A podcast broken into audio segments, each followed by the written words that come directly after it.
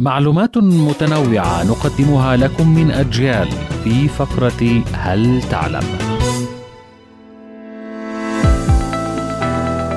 قيثارة الأرض حقق الموسيقي ويليام كلوز الرقم القياسي العالمي لأطول آلة موسيقية وترية بقيثارته التي قام بصنعها بأوتار تمتد حتى ألف قدم وأطلق عليها قيثارة الأرض كيف تعمل؟